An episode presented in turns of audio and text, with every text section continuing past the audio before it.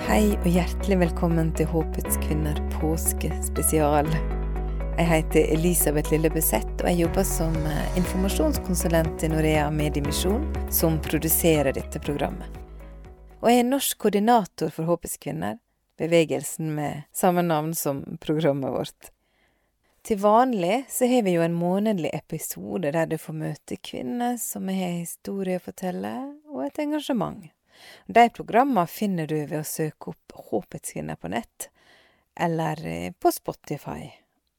Men denne gangen, denne påska, så ønsker vi å nå deg hver dag. Det er så godt å kunne stoppe opp litt og tenke hva som skjedde i påskedagene, og hva det betyr for oss. Og i alle fall nå når koronapandemien gjør at vi ikke kan møte hverandre fysisk. Da er det godt å kunne møtes her, over en eh, digital kopp eh, kaffe. Hver dag så er det forskjellige kvinner som deler sine betraktninger rundt det som skjedde i Jerusalem for over 2000 år siden. Denne dagen skjedde det masse. Jesus hadde sitt siste måltid i lag med læresveinene sine, han innstifta nattværen, og han hadde mye på hjertet, og det kan du lese om for eksempel i Johannes 14 til og med kapittel 17. Og så kjempa han en kamp i bønn i Getsemane. Og jeg har tenkt på det, kjære venn, at uh, han som fra evighet av var i lag med sin far, Gud, han blei forlatt denne kvelden. Han blei forlatt på grunn av dine og mine synder. Og så blei han forlatt for at vi aldri noensinne skal måtte være forlatt av Gud. I dag er det Tone Østby som er musiker, musikkleder og ungdomsarbeider i Misjonshuset i Kristiansand, som deler sine tanker rundt noe merkelig Jesus gjorde på skjærtorsdag. Jesus, hvorfor gjør du det? Hvor er du? Bryr du deg ikke om meg? Hvorfor tillater du så mye vondt i verden og i livene våre? Hvorfor griper du ikke inn, Jesus? Har du også stilt sånne spørsmål til Jesus? Spørsmål stilt i frustrasjon, sinne og hjelpeløshet fordi du virkelig ikke forstår hva Jesus egentlig holder på med i livet ditt. Det gir jo overhodet ikke mening. Peter og disiplene forsto heller ingenting da Jesus plutselig reiste seg fra påskemåltidet de spiste. Han la fra seg ytterklærne, og til alles forbauselse fant han fram et linklede og bandt dette rundt livet. Linkledet som bare ble brukt av tjenerne.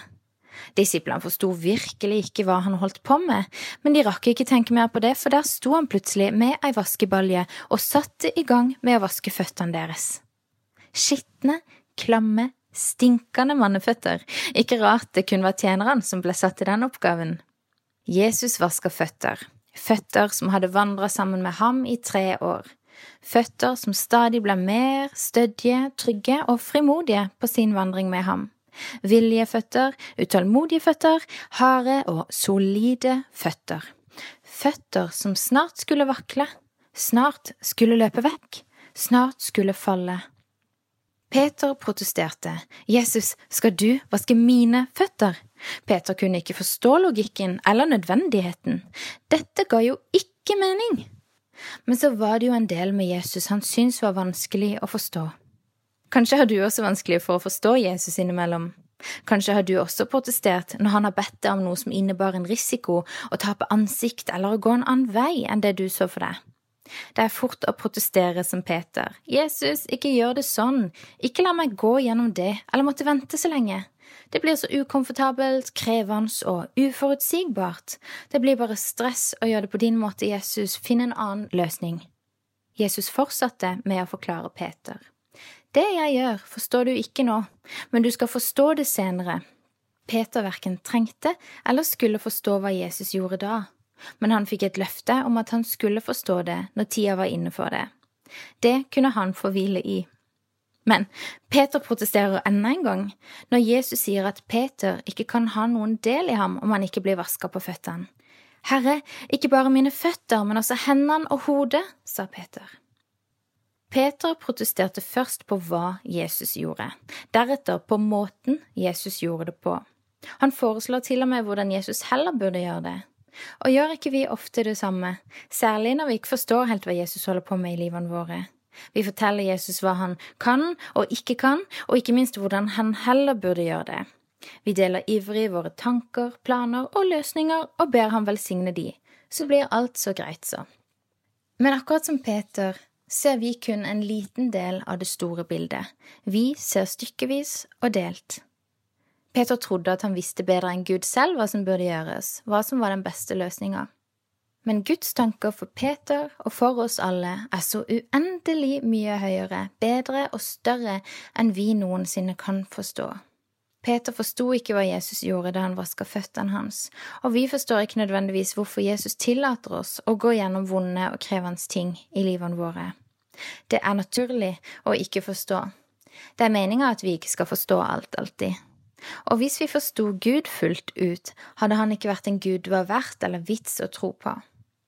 Nei, Jesus sier at vi skal forstå når tida er inne for det, og vi skal få stole på at Hans ord er sanne, og at våre liv, som vi har fått i gave fra Gud, blir aller best når vi går og lever tett sammen med Jesus, når vi vandrer sammen med ham, når vi leser Hans ord, Bibelen, og når vi lar Han få vise vei i våre liv, selv om vi ikke alltid forstår. Han går med oss, da har vi ingen grunn til bekymring. Du hørte Tone Østby fra sitt heimekontor, og det er ikke alltid lett å forstå Guds plan og Guds tanker, men vi kan takke for at Han har kontrollen, at det som også skjedde denne dagen, var en del av Guds gode plan.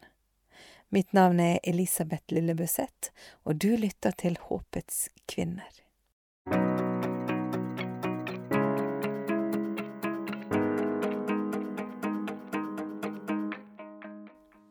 Norea Mediemisjon starta kvinnearbeidet Håpets kvinner for ti år siden i Tanzania. Og her skal du få ei lita hilsing fra Joyce Malima, som er leder for arbeidet i landet. Hello, my name is Joyce Malima. I am the coordinator of TWR Women of Hope for Tanzania mainland and Zanzibar. Last year, I visited your country and had a very good time to meet some listeners and our supporters in Norway. Norwegians, you are very kind people. Also, you have a beautiful country. As we think of Mount Thursday, when Jesus showed us an example of saving each other, in Women of Hope Tanzania, we save the suffering women, giving them hope through radio programs. This year, on 17 to 27th September, we celebrate 10 year anniversary together with Norea Media Mission. We arranged to visit Zanzibar and other places in Tanzania. Norea is coming here.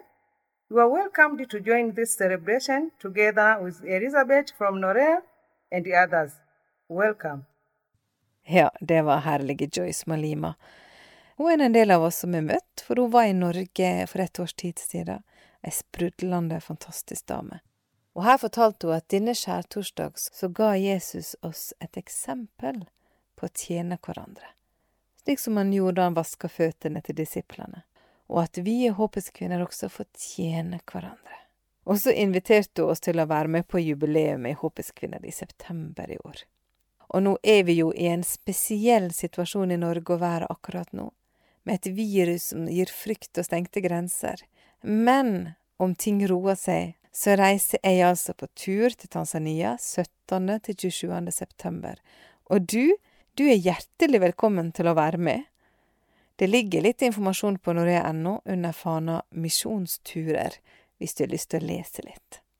Så takker jeg deg for følget i dag, og håper at vi høres igjen i morgen på langfredag. Du har lytta til programmet Håpets kvinne fra Norea Mediemisjon. Ønsker du informasjon om vårt arbeid, gå inn på norea.no. Der finner du også podkasten vår og informasjon om hvordan du kan være med og be for verdens kvinner.